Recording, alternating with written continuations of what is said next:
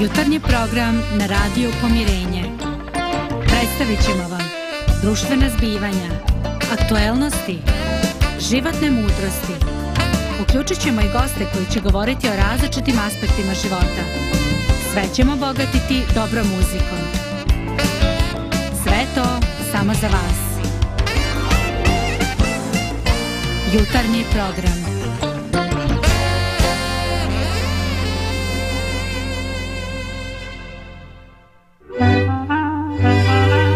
Riječi mudrih ljudi. Svjetlo i radost na našem putu. Dobro jutro, dragi slušalci Radio Pomirenja. Drago mi je što smo ponovo zajedno i što ove hladne dane možemo malo utopliti nekim pozitivnim emocijama i nekim prisjećanjima dobrih stvari na, u koje su se desile u našem životu. Eto, tema koju bih želio da zajedno sa svojim kolegama, a, tu je Lidija Naštonac, a, Dragana i Božidar, danas da razmišljam i da podijelim sa vama jes dobrota. I odmah na početku jedna kost, a to je koje su vam prve asocijacije kad čujete riječ dobrota. Eto, bojim se da će za one starije prva asocijacija biti ona stara poslovica, a koja kaže dobar i lud rođena braća. I evo vam prvoga pitanja u startu. Koja su to životna iskustva? Koja je to susret sa zakonitostima? Šta je to natjeralo narod da izgovori ovakvu misao e, šta je to dakle e, što mu je sugerisalo da na jedan pomalo ironičan način dođe do ovakvoga zaključka. Zašto? Zašto je rečeno da su dobar i lud rođena braća? Čemu ta ironija? Hm. Pa, pošto je to stara poslovica, pretpostavljam da je počela s nekim drugim razlogom za, nego što bi danas ljudi rekli dobar i lud rođena braća. Znači, vjerovatno je u neko vrijeme bilo da a, pomažeš, služiš drugima, a oni to zloupotrebljavaju, iskorištavaju, pa ti kažu onda ti tvoja dobrota prerasla u ludost. A danas je sistem vrijednosti toliko izokrenut da kad si dobar, oni kažu ti si lud. Jer danas je in da budeš loš, da, da lažeš, da kradeš, da otimaš. Snašao se. Snašao se. Dragana, hoćeš li da nam se javiš jutros ili... To, to isto bilo moja prva asocijacija, znači to, što se rekao, to vrijeme, ali sva vremena nekako pitanje uh, oko dobrih ljudi, da li su, ah, ne mogu sad reći, bili žrtve, onako pod navodnim znacima u raznim situacijama, a mada ni to nije uvijek isto, ali nekako ljudi, ljudi se boje da će biti žrtve ako budu, ako iskažu dobrotu. Iako imaju iskrenu dobrotu, ja šta će mi biti, da li će ta osoba nešto da mi vrati ili ne, ovako, onako, da me zgazi, da, da se da se osjeća nekako superiornije iznad mene i onda ne učine tu dobrotu iako imaju u sebi. Poriv imaju da. Ali ovo što je rekao Božidar dakle jednostavno promijenio se neki narativ.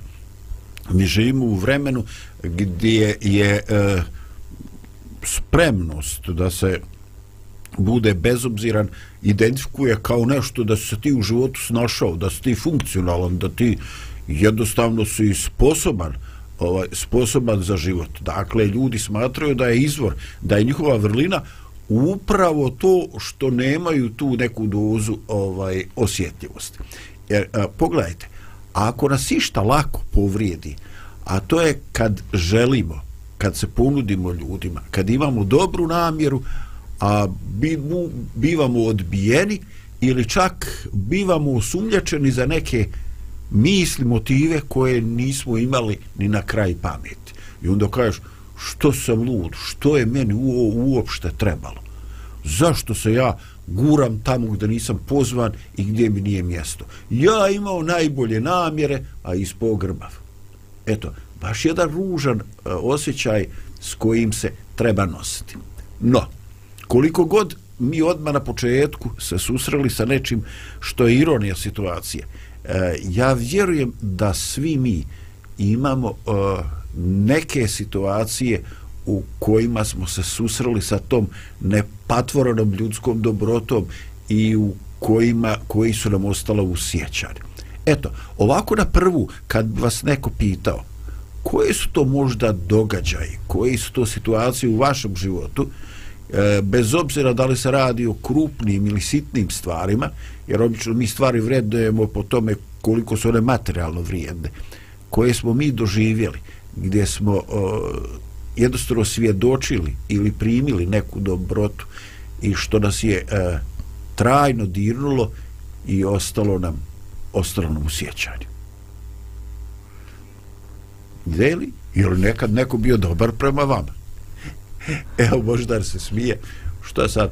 Ne, čekam Dragana da kaže ko je bio dobar prema njoj. Pa meni je sve sva, svašta to palo na pamet, razumiješ? Prvo od, od tih dana iz djetinstva, pa onda nadalje i šta znam. Bilo je, ne mogu se sjetiti samo jednog događaja, nego, nego raznih ljudi, znači počeš od roditelja, prijatelja i tako, znači to, to je teško reći, znači da. jedan samo primjer, ali, ali definitivno se to pamti, to, to dajem bar meni, vjerujem i drugim ljudima, ovaj, tu potporu u životu i, i to u stvari gradi temelj čovjeku. E, slažete li se da je to jedan ovako fantastičan začin e, korektiv, nešto što onako na bitan način boji ili dodaje na kvalitetu našeg života. Upravo iskustvo u iskustvo susreta s takvim događajima sa takvim ljudima. Pa, pa sigurno, baš zato što mi živimo u jednom svijetu koje, gdje je to vrlo rijetko. Znači, ja sam gledao sa skoro neki film, pade čovjek, pade čovjek na prugu, svi čekaju voz i on pade na prugu. I voz dolazi u susret i niko ne skače da mu pomogne, ali svi su upali telefon da snimaju. Bože me saču. E, mislim, tako je društvo u kojem mi živimo i onda kad doživiš neku dobrotu, onda kažeš, ipak ima nade, ipak ima nečeg dobrog u ovom svijetu, nije sve otišlo u propast. Da, da. Pa prije nekoliko godina smo ovaj u novinama našli jedan ovako baš potresan članak o našem čovjeku ovdje iz Bosne i Hercegovine koji je skočio u rijeku negde u Italiji da bi jeli, jedno dijete se e, davilo i ne, ne razumijem kako, ali uglavnom krajni rezultat on je uspio, pomogao je dijetetu, dijeta je neko prihvatio, ali je talas odnio njega. I onda mi ovako ostajemo zatečeni i e, nekako ne volimo da ovo prokomentarišemo. Ovaj, on se žrtvovao. On je preduzeo rizik i to je bilo uh, kobno za njega. Uh, možda bi neko rekao definitivno čovjek nije normalan, ali e, razmišljajmo o tome šta o njemu misle roditelji ovoga djeteta koje je po svim očekivanjem ono je trebalo biti žrtva. Eto neki stranac Auslander je ovaj, osjetio taj krik bol uključio se i spasio to dijete. Ali očito da je to za njega bio preveliki izazov dakle život život donosi život donosi takve stvari ovaj E, ja sam to baš snimio jednom prilogu na studio Resetu, jedno sjećanje. Ovaj, e, čekali, e, čekali smo bebu i onda je došao jedan čovjek koji je meni u to vrijeme jako puno značio. E, on je bio neurohirurg u Osijeku, Sava Tomić. I ovaj, e, ja sam ga smatrao za nešto posebno zato što sam volio otići kod njega i postavljati mu neka pitanja jer imao sam 20 i nešto godina, on je bio pred penzijom. I ja sam s njim mogao stvari pričati i postavljati pitanja koja nisam imao priliku postavljati drugima ili bilo je bezpredmetno da postavljam to nekome drugome ili tako? I on je uvijek bio ovaj eh, on je uvijek bio dobre volje uvijek je pokazivao kao da mu se raduje što dolazi ovaj i onda jednom tako ovaj supruga je otišla da se porodi on je došao pitao čime ćemo se grijati vidio moj smederevac i ovaj nakon nekoliko dana a, pozvonilo je ja sam otvorio on je stajao ispred sa četiri mladića i on je do, a, spremao je a, smatrao je da moja beba treba da ima bolje grijanje koja treba da dođe u kuću. Ti su momci donijeli novi onaj e, peć veso kreka i ja sam bio bio sam ovaj uh, frapiran tom dobrotom i tako. I naravno što je smiješno u tome su bile moje nezrele reakcije čovjek koji je star 20 i nešto godina. Ali ajde da o tome nastavimo posle jedne muzičke tačke. Radio, radio, radio, radio,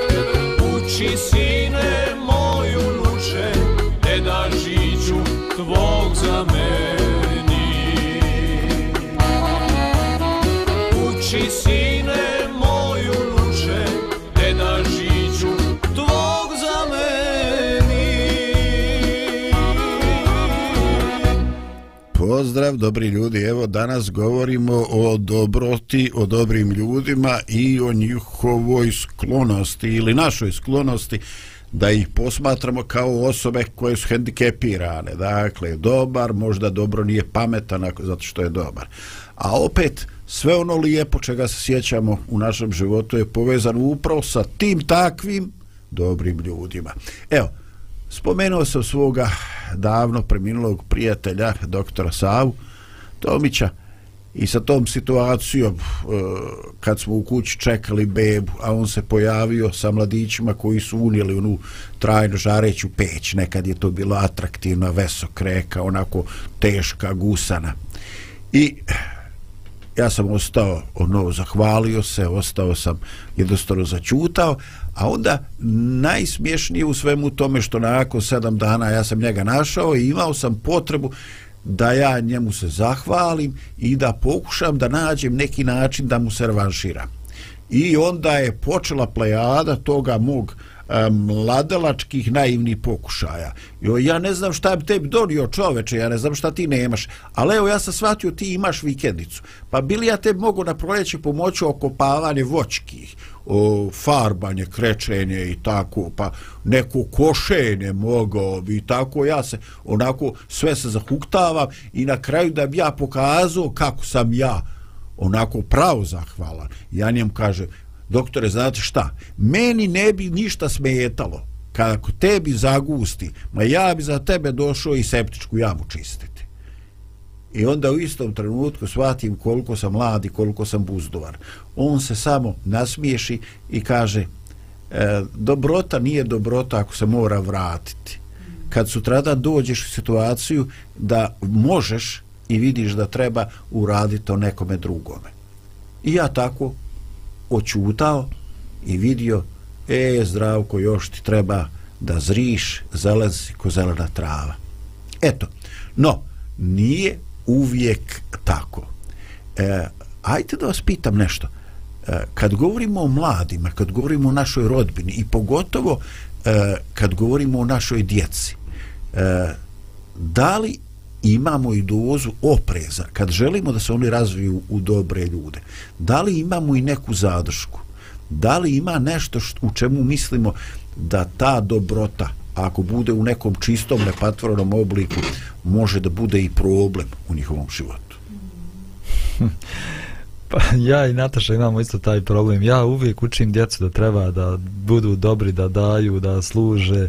A ona uvijek se brine za njih da će biti ludi ako Mislim, ako prekardaš. Da će, do, da će prijeći u to, znači ludost, ludost ako prekardaše u tome što ti kažeš. Ali evo, ja, pošto smo i radio pomirenje, ja hoću danas da istaknem jednog, jednu mladu osobu, a on se zove i zvao se Srđan Aleksić. Srđan Aleksić je bio mladić u, ovo, u našoj zemlji je živio u toku rata, kad je vidio da su komšije izašle i tukle jednog njegovog komšiju muslimana, on je bio srpske nacionalnosti, on izašao iz kuće, ne znam, možda imao 19 godina i počeo da brani ovog svog komšiju. Nije dozvoljavao da ga oni udaraju. I onda su ti udarci prešli na njega, onda su počeli njega da tuku, toliko su ga tukli da je pao u komu i umro je. I u društvu u kome mi živimo, ovakvom nacionalističkom društvu, Srđana Aleksića spomenju samo oni drugi.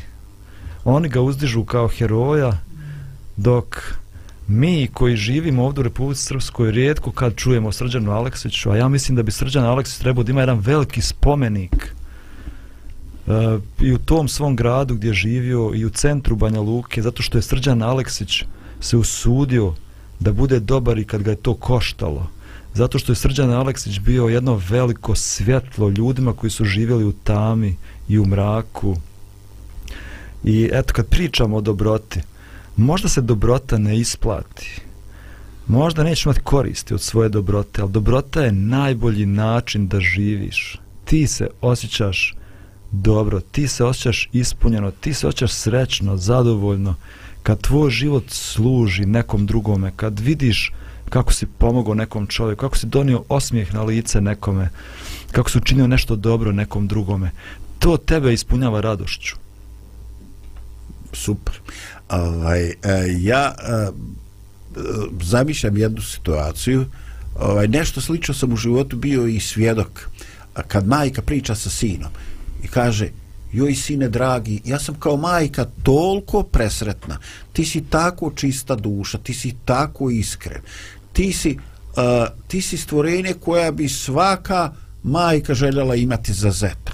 Ali ne smiješ tako, ne smiješ biti toliko transparentan, ne smiješ pokazivati osjećavanja, ne smiješ pokazivati ranjivost. Moraš biti muškarac, moraš pokazati tvrdo, tvrdoću, jer ako to žene osjete, pa popećite se na glavu zbog tvoje dobrote.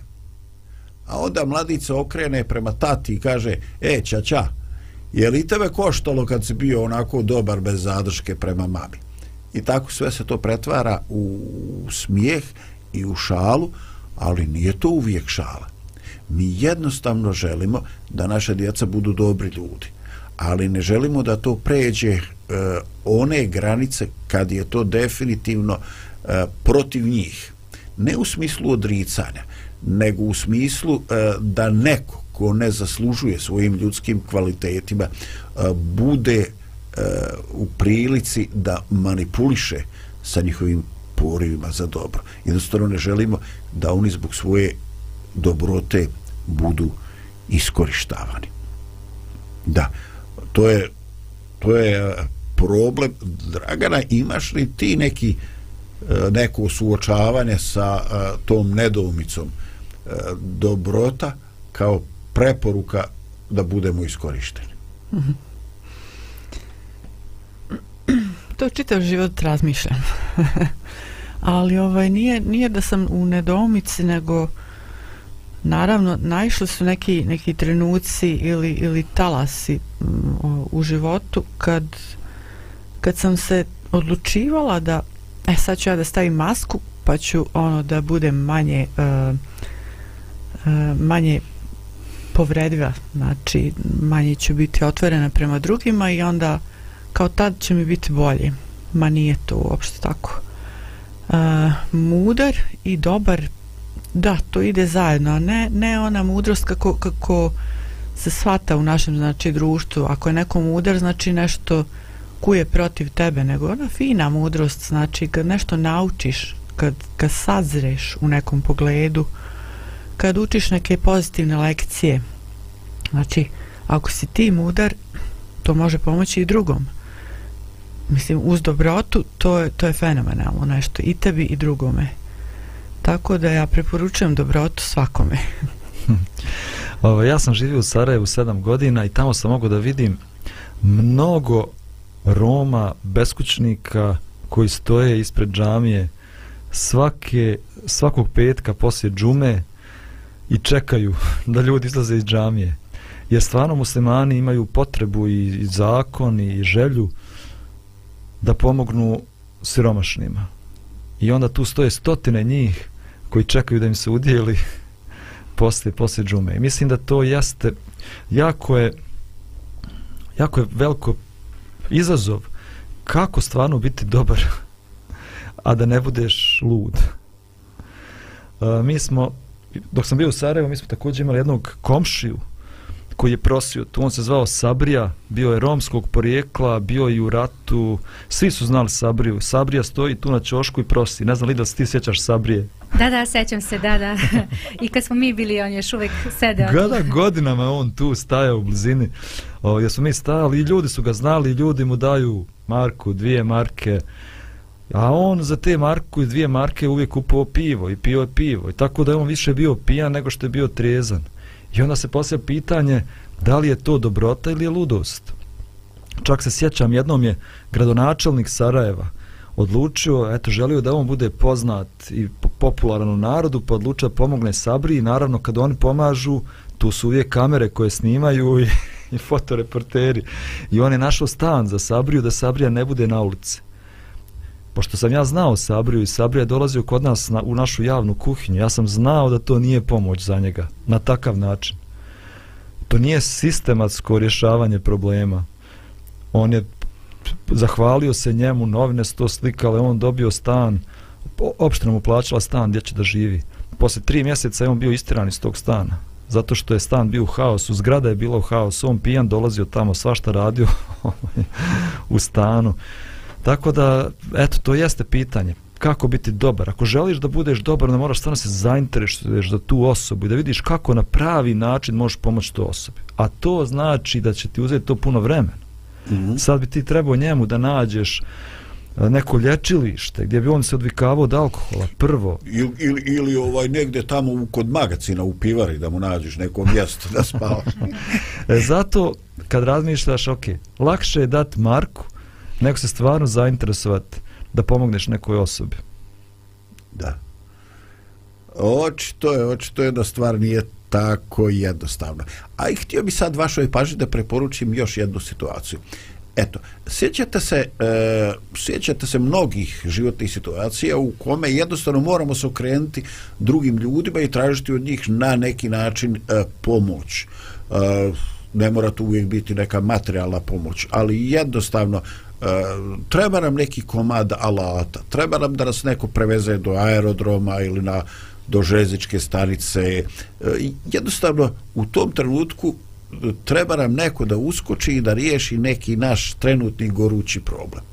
I sad pogledajte, imaju dvije vrste ljudi. Ja kažem ljudi koji su zgodni, pogodni za komunikaciju i oni drugi koji joj, joj, baš i nisu. Eto, vi kad dođete kod tih druge vrste ljudi, oni kažu, a, ovaj, a kad si ti znao da će to trebati?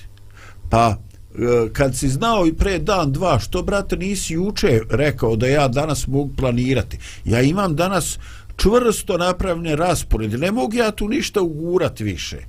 Pa kao, ako si znao, pa i nisi mogu naći neko drugo rješenje, pa jer nisi mogu krenuti malo ranije, sad, dva, to stavljaš i mene u položaj pa kako da ti pomognem, pa to što treba da ti donosem jer treba ovako i onako. I kad mi tražimo takvu neku pomoć i kad vidimo šta ti neki ljudi traže, očekuju, onda se nama stvarno čini da nam je zgodnije da ustanemo i da sami to riješimo za se, jer dok mi njemu sve objasnimo, pa dok napravimo sve pripremne radnje, onda, brate, ostalo je možemo i završiti to što smo uradili do pola. I eto, i postoje neki drugi ljudi koji okrenu se, saslušaju nas i kažu, pa dobro, planirao sam nešto drugo, ali ajde idemo odmah da riješimo tvoj problem. E sad pitanje. A ako s nekim ljudima brzo rješavate problem i brzo se nalazite, a s nekima drugima treba pisati projekat da bi dobio njegovu uslugu, šta ćete vi onda biti u iskušenju? E, da li će se onda ponoviti ono o, staro iz vremena kad su kola vukli konji, kaže e, udara se po konju koji vuče. E, šta to znači? Ja sam kao dijete razmišljao što š njega bilo tući? Tući onu ragu što neće da vuče. Ma jok, lakše ti je malo kanđijom dirneš onoga koji onako vuče i on ti odma odreaguje kako treba. A s ovim drugim moraš biti konj da bi ovoga konja dok učio neće i onda ne vrijedi, gubiš vrijeme.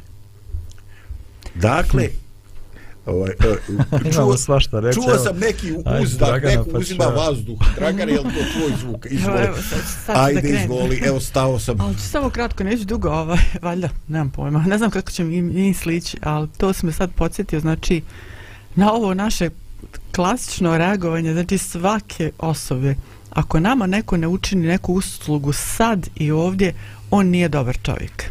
Znači, ta osoba uopšte nije dobra osoba.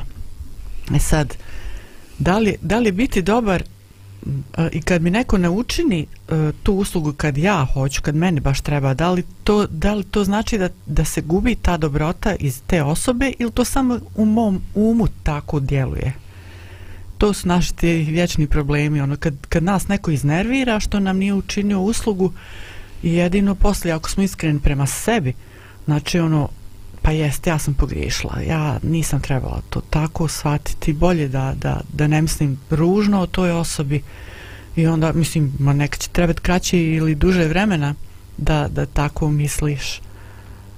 Ali ali ne znam, ne znam mislim, to, to nam je kažem, to, to nam je, je taj ti, ti, ti, ti isto super rekao, znači uh, uh, imaš ljude koji će ti odmah pomoći, a neke ono baš trebaš tjerat. Ali trebamo biti ovako realni prema sebi. Znači svako, svako od nas ima te trenutke. Ja više volim da govorim o ljudima koji su u poziciji da neko od njih traži pomoć.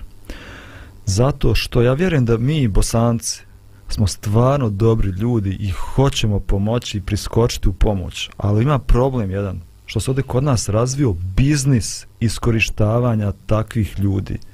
Ja to govorim zato što sam vodio i dalje vodim i humanitarnu organizaciju, imao sam mnogo slučaja. Znači, većina ljudi koji traže pomoć su prevaranti. Oni koji ne traže, njima baš i treba pomoć. Oni najsiromašniji, oni ne traže. Ali oni kojima, koji traže, to su uglavnom prevaranti. Kod nas postoje organizacije, postoje ljudi, pojedinci koji samo to rade. Znači, obraćaju se raznim firmama, organizacijama, pojedincima, tražeći pomoć za neke njihove probleme, bolesti, lijekove, koji u stvarnosti to ništa nije istina. Znači ja sam svjedok bio toga, ja mogu vam sad pričat priče, ne znam koliko priča, ja mogu ispričat. Žena dolazi i kuca nam na vrata. Isto smo u Sarajevu tamo živjeli. Žena plače, njen sin je oslijepio i da bi da bi se po, postoji mogućnost da ide na operaciju, ali ne može, treba da se nađe neki donator ko će mu dati rožnjaču. I ona sve govori gdje je to bilo i kako je bilo i našao se konačno u Hrvatskoj. Čovjek je poginuo i od njega se uzeta rožnjača i doktor taj taj u Zagrebu ga je operisao. I on sad konačno vidi, ali da bi da bi vidio mora da stalno stavlja neku uh, tečnost u oči, a ta tečnost košta 80 maraka, ali možemo da joj pomognemo? I plače, žena nema da kupi tu tečnost.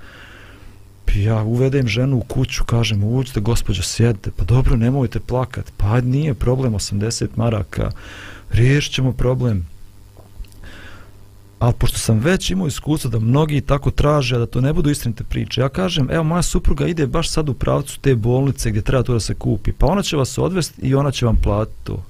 Hvala vam mnogo. Da bi došli tamo, ona neće da uđe u bolnicu.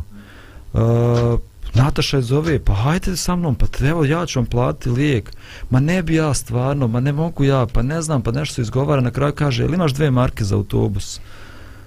Takvih priča ima svaki dan, znači svaki dan takve priče ćete naći na Facebooku, na Instagramu, u novinama, razno razna skupljanja koje su sve laži prevara i zbog toga ispaštaju oni kojima je stvarno pomoć potrebna. Jer kad ti dođe neko stvarno u potrebi, ti ne vjeruješ. I misliš i on je isti kao i svi ovi ostali. Mm. Znači, treba napraviti jednu, ne znam nija, bit, treba biti dobar, ali to ispoljavanje dobrote treba da postoji na granica i da se zna kako, na koji način, da se provjeri. Mi smo imali slučaj isto jedne žene, treba da plati liječenje svog djeteta. Žena mi donijela sve dijagnoze iz bolnice, iz Beograda. Ja nazovem bolnicu u Beogradu, kažem, jeste vi upoznati s ovim slučajem, ili znate vi ovu ženu, da li njoj treba pomoć? On kaže u bolnici, ako i kako možete pomozite. Znači, katastrofa je situacija, ako možete pomognete, pomozite.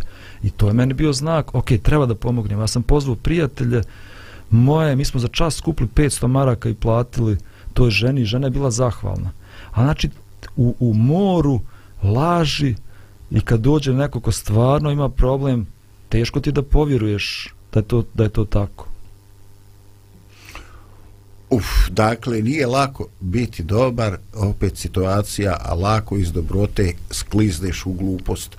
I što bi proizišlo iz ovoga što ste, Dragana, i ti možda rekli, e, veoma vlaku postoji mogućnost da se čovjek, kako mi to u narodu kažemo, ili ogriješi ili ispadne naivčina, a obično jedno slijedi drugom. A ako i više puta ispadneš naivan, onda ćeš se sutradan ogriješiti prema nekome koje je došao i kome stvarno treba e, pomoć. Da, očito da se nalazimo pred nekim pitanjima koja nisu tako jednostavna, ali da malo predahnemo i uz muzičku tačku.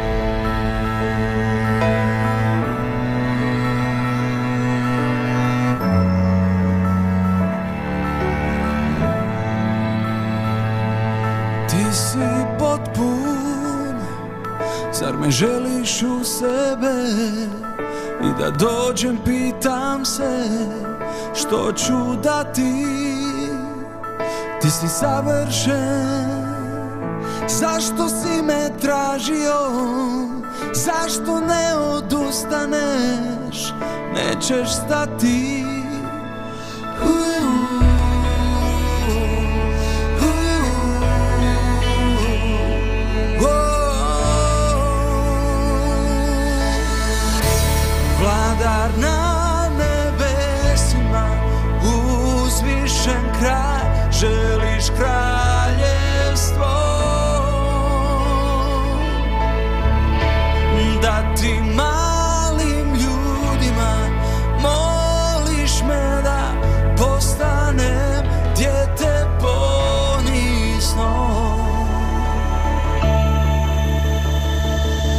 Ti si poput, zar me želiš u sebe? I da dođem pitam se što ću dati? Ti si savršen zašto si me tražio? Zašto ne odustaneš? Nećeš stati.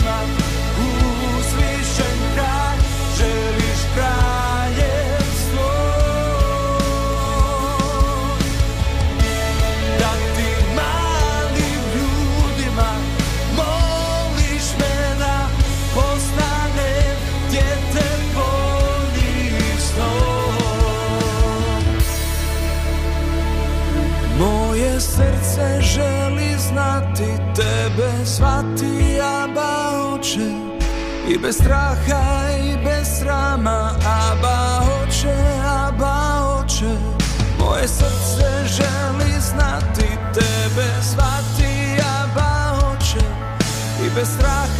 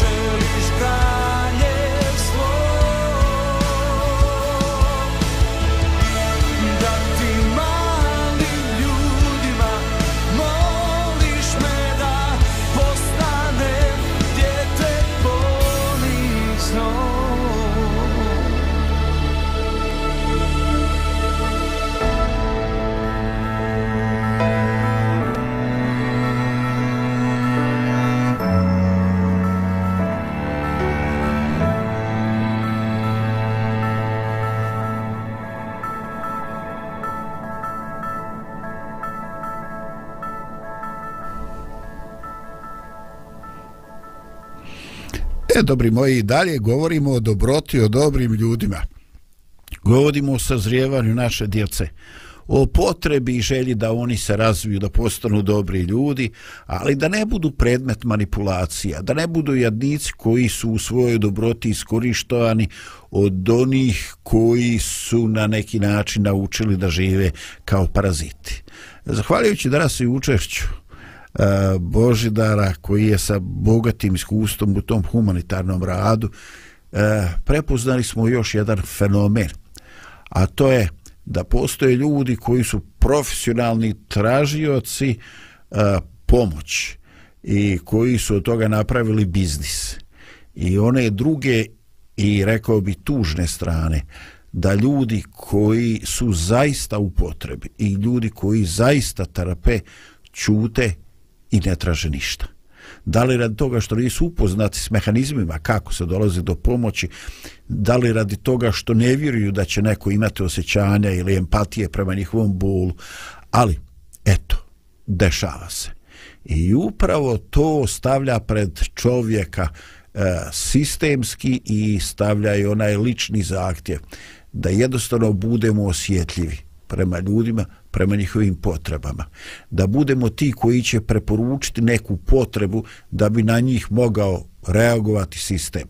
Dakle, da prijavimo slučajeve u Crveni krst, Centra socijalni rad, ljudi koji možda nisu u stanju da sami odrade te sve neke procedure administrativne. Ali s druge strane, e, da ne slušamo uvijek one koji su najglasniji u kukanju nego i kad smo u situaciji da nešto lično uradimo, da jednostavno prepoznamo te ljude koji imaju potrebu i tihu patnju. Eto, e, nije jednostavno i sve nas to poziva da izađemo iz sebe samih, iz našega komfora, iz nekog sagledavanja svijeta u kom smo mi u centru, da jednostavno budemo ljudi koji imamo srca i osjetljivost prema a, drugim ljudima. E sad, idemo korak dalje. E, želim da još jednom provjerim svoje iskustvo slušajući vas. A to je, bili ste u situaciji da vam treba neka pomoć. Možda to nije trebalo biti nešto drastično. Možda se jednostavno niste snalazili. Možda ste imali ograničen rok da biste došli do nekog papira. Možda je trebalo nešto zaokružiti. Možda ste trebali dobiti informaciju. I onda vam je neko ponudio pomoć i vi ste u toj pomoći prepoznali nešto što je e, pošteno, iskreno, dobro. I onda ste reagovali da e, niste primili tu pomoć. Zašto ponekad odbijamo primiti pomoć iako te ljude koji nam je nude svrstavamo u dobre ljude? Eto, vidim po nekim izrazima lica da su se baš zamisli. Jer su to vama ikad desilo? pa evo, razmišljam, ne znam, zašto bih odbio nešto što dobro treba? Što, što mi neko nudi. Vjerojatno neki ponos bi bio, a joj, ne, ne, ne, meni ne treba ništa. Ako to ne prihvatiš. Ako je prihvatio, da, da. Pretpostavljam ako je neko, ja pretpostavljam ako je neko siromašan, bori se i onda mu dođe neko i kaže evo ja hoću ti pomognem da on kaže čekaj čovječe ne treba meni mogu ja sam da se izborim jer, jer je nekako i sramota da sad ti neko pomaže Prepostavljam to možda bude razlog. Da. Ok, ja kad tebe slušam, ovaj, taj ponos ovaj, e, prepoznajem kao nešto što je teret, znači nešto povređenost, povređenost ovaj, ega ali i postoje te stvari koje nisu odraz uvijek neko. Sjećam se one situacije uh, u kojima jedna porodica imala je komšije koji su često uh, trebali neku pomoć. Ovaj, I onda dolaze u kuću svojih imućni, imućnih komšija, traže nešto i onda ta domaćica u toj imućnoj kući ovaj, e, e kaže, e, da vas pitam, ovaj, evo, nismo stigli da nemate možda jedan filčan soli. I kad su one izašli, a dijete se obraća majici i kaže, mama, šta se dešava? Zašto ti tražiš od njih sol? Pa mi imamo tamo soli. Što ti je to trebalo? A mama kaže, osjećam na njihovim licima koliko im je teško što neki put moraju da traže pozajmicu, ovo i ono. I ja sam tražila so ne rad toga što nam treba, nego rad toga što znam da imaju i želim makar na trenutak da oni imaju osjećaj da su oni, eto i oni su nama. Jednostavno tu neku frustraciju, siromaštvom, životom želim da im ublažim. I to je meni, e, to je meni nevjerovatno. E, drugi razlog koji ja ovaj, prepoznajem, kad mi vidimo ljude koji zaista imaju dobru volju i koji nas sa svojom dobrotom ne ponižavaju, jer smo se čuli dobro, nekad te neko sa svojom do, dobrotom jednostavno te ponižava ta njegova dobrota. E, mi te ljude e, želimo čuvati kao nešto dragocijeno. Ne želimo ih iskoristiti njihovu dobrotu za svašta.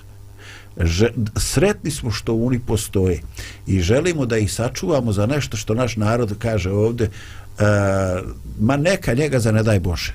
Dakle, e, jednostavno u nekim situacijama kad se bojimo sa, da sa nikakve strane neće doći pomoć, oni bi nam bili jako dragocili. A možda stvarno postoji postoji neki način da mi to nekako iz te bijede, iz te nedumice, iz tog problema iskobeljamo se nekako sami. I čuvamo te ljude kao dragocini biser za neke varedne, neočekivane situacije. Meni pada na pamet jedan naš poznanik, zajednički doktor Željko Jovičić, koji je ortoped, i koji je stvarno jedan dobar čovjek i, i rijetko skroman i ponizan čovjek i koji uvijek pomaže kad god bilo koga nazove. Ali mene sto ljudi zove, daj mi broj telefona Željka Jovičića. Imam ovaj problem, imam onaj problem, ali ja njega stvarno čuvam samo za, za one najteže probleme. Ne mogu da dajem svakome njegov broj telefona. Eto, sad se je čulo da imaš ti broj telefona. pa ja, Željko mi je kum. Dobro. E, slušaj me, na, jedini način da ti iz ove bijede pobjedeš jeste da promijeniš broj telefona. Eto, posle ove emisije ćeš imat sto poziva, a možeš meni dati broj. da, hoću da kažem isto što dobrota, dobrota nije samo davanje otvornovčanik i daje nekom. Dobrota je nekad i reći ne kad dođe neko ko ima 30 godina u javnu kuhinju da jede i ti mu daješ ručak iz dana u dan mu daješ ručak i kažeš e, ja sam dobar čovjek, ja sam pomogao tom čovjeku, ti njemu ništa nisi pomogao. Ti s njega naučio da on bude jedan lijen čovjek koji živi na, na, na račun nekog drugoga. Nis ga naučio da bude radnik. A, biti dobar otac znači nekad uzeti šibu ili kajš a ne samo pokazivati ljubav, to znači biti dobar otac ako stvarno želiš dobro svom djetetu. Znači, dobrota se ne iskazuje samo davanjem novaca, poklona, već se također iskazuje i a, pomaganjem nekome da neko stekne disciplinu u životu, da stekne radne navike. Nama je dolazio često od u kancelariju jedan čovjek sa djetetom, treba mu pomoć. I mi smo njemu, ja sam tad se sjetio, a treba men kuću ofarbati ogradu. Ja njemu kažem, aj ti evo ofarbaj ogradu kod mene kući, ja ću te dati novac pa ćeš zaraditi nešto danas. I on se bolje osjeća s tom pomoći jer je on to zaradio, nije dobio zato što je siromašan i ugrožen, nego je on to zaradio, ima neko dostojanstvo svoje kad, kad mm -hmm. tako zaradi. Znači, dobrota se iskazuje na različite načine. Dobro, nadam se da te ne, ovaj, e, to što je ovaj, Boždar spomenuo kaj što je onako figurativno, ono, ne bi želio da dođe sad socijalni radnik i da kaže jel tu, ovaj, jel tu, ovaj, jel ti to propagiraš e, discipliniranje ovaj, sa, sa sredstvima prinude. Da, to je neka situacija koje se ja sjećam. Ovaj, ja sam imao ovaj, u jednom periodu života tri, troje muških u kući i kad njihov ego i njihovi hormoni počnu da rade, onda je tu zaista svrveno vrijeme morao je stari kočic da, us, u, u, ovaj, da uskoči i da kaže halo, ovdje sam ja zakon, prestanite, jer tri dječaka u odrastanju, to zaista nek put može postati bojno polje. I jednom sam ja stvarno uzeo neki kajš, ali to je bio neki tanki kajš, ovaj, e, koji je bio baš onako bez efekta. I onda sam kasnije slušao kako je moj sin vikao, joj, nemoj, boli, a u stvari nije osjećao ništa. Jer da je to bio pravi kajš od goveđe kože, to bi imalo efekta. Ali ja nisam bio svjestan čim odrađujem vaspitnu mjeru i dijete se smijalo, ali je ovaj, pustio mene da živim u uvjerenju da ga, da ga kažnjava. Eto, naivnost ima različite, različite, ovaj, različite oblike. Dragana, e, nešto si nam se učutala, šta se sad nota po tvojoj glavi? Imaš li potrebu da ljude naučiš, discipliniraš, šta bi im radila, šta su ti radili, šta ti je sada aktuelno? A smiješ podijeliti s nama? U, disciplina, pa, ono, ovaj, kod mojih roditelja, ja često na, naglašavam to da sam ja doživjela, znači, ono, prijateljstvo, ovaj, i ljubav i sve to, ali nije, nije to bilo baš ono da, da me puste ono da radim šta ja hoću, nego je bilo ono, sine, ajde, ajde, da sednemo pa ćemo pričati. A ako ne vide baš to kod mene da ja bilo se, bilo je toga, znači, dva, tri puta je možda bilo batina, ono, čisto šibam onako po nogama, znači, ono, da li ti samo da me pecne. Znači, dva, tri puta? U kom periodu? A to kad sam bila malo poslije, ono, znači, al bilo je to znači odgajanje. Misli ti svojom glavom, ali ajde, ovaj, voljeli bismo da te odgajamo onako da ideš u nekom dobrom smjeru. Ovaj, sjećam se, no, jednom smo, kad smo bili na moru, pa ovaj, uh, nisam bila takva često, mislim, prvo to da naglasim. Ovaj, I ja neću da izađem iz vode, ja sva smežurala, mama kaže, izlazi, e, pa ovo, pa ono, sve. Neću, ovo je moje more. I onda ja tako zainatim se, ono, neću i neću ne, ona zove nekog, neki čovjek je nepoznat stajao tu, vidiš ti, kaže ona, ovo je milicioner, kaže, to je njegovo more, ona mene onako šapće ozbiljno. I on je onako napravio facu, ono, da odglumi to, kaže, ajde, ajde, izlazi, zna, neću, ja počela bi, neću, ovo je moje more. ali nije bilo tad batina, ali sam shvatila poslije, ovaj, ovaj, tu, kako, kako je posle razgovarala sa mnom ovaj, onda sam shvatila da, da to nije bilo ništa iz mržnje nego je ta disciplina uh, dok, dok su još djeca mala znači tako ih treba uh, u tome usmjeravati i posle znači kad znamo te osobe da ih usmjeravamo u tom znači sa našim uh, porodicama ili, ili prijateljima da isto tako što ti kažeš kad kažemo ne nema veze što će, što će neko uzdići nos odmah, mm. ali to će biti dobro. To ja znam isto iz, iz svog iskustva. A i kad se susrećemo i sa nepoznatim osobama, isto tako. E, super, hvala.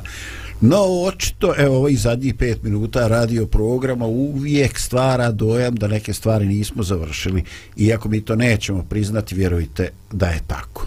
No, kako god, eto, ne planera smo završili sa da nekad podrazumijeva dobrota i odlučno ne i da ona ponekad podrazumijeva i određenu dozu prisile. Ono što mene fascinira kod tebe, Dragana, što ti govoriš o dvije, tri puta dobila batine dok je bila mlada. Pa ja sam to, brate, dobio na sedmičnom nivou. Božo, gdje si ti bliži? Draganinom slučaju ili mome? Šta se kod tebe dešava? Da, ja sam nekada morao da propustim fizičko zato što su mi noge bile modre ovaj od od šibe. A da, ja ono što ja govorim jeste disciplina ima svoje mjesto, ali ne zbog ljutnje, nikada zbog ljutnje, nego iz principa. Znači, kad ja želim moje dijete naučim nešto, kad ono tvrdoglavo i kad drugačije ne može, tada disciplina ima svoje mjesto, ali ne nikada u ljutnji. Hvala ti. Eto, završio bi sa dva teksta, dva stiha iz uh, Rimljanima, poslanici svetog apostola Pavla, u kojima se kaže ili ne mariš za bogatstvo njegove dobrote i krotosti i trpljenja, ne znajući da te dobrota Božja na pokajanje vodi, nego svojom drvenosti i nepokajanim srcem sabiraš sebi gnjev za dan gnjeva, u koji će se pokazati pravedni sud Boži. Eto, ovaj zadnji aspekt dobrote kao nešto od čega zavisi naša uh, vječna sudbina ostavljamo u vama na razmišljanje. Želimo vam e, lijep dan i puno, puno duhovnih osvjedočenja. Pozdrav iz Radio Pomirejna. Thank you.